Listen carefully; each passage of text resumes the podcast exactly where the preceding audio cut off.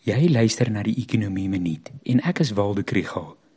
Vrydag se episode het afgesluit met die eerste aanwysers van hoe die ekonomie in Augustus maand gevaar het. En dit was heel positief. Maar dit was nie die einde van die storie nie. Vrydagmiddag is Amerikaanse non-farm payroll data bekend gemaak en dit het gevolge gehad. Die verwagting was dat hulle 300 000 nuwe werksgeleenthede geskep het in Augustus en dit was toe 315 000. Dit beteken dat die Amerikaanse ekonomie nog warm loop en daar 'n groter kans is dat die Federale Reservebank hulle beleidsrentekoers aan die einde van die maand weer skerp gaan verhoog. In sy Jackson Hole toespraak het Jerome Powell dit duidelik gemaak dat hulle aggressief sal optree om inflasie onder beheer te bring.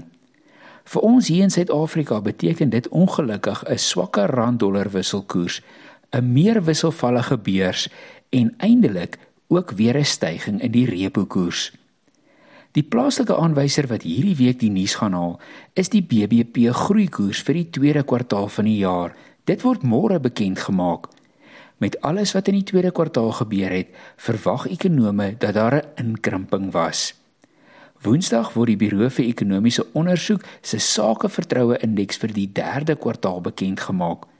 Donderdag is dit hulle verbruikersvertroue indeks. Albei hierdie indekse gaan fyn dopgehou word vir enige positiewe beweging. Die derde kwartaal se data sluit nog Julie maand se beerdkrag in. Maar daar is hoop dat sentiment in Augustus gedraai het. Ons hou duim vas.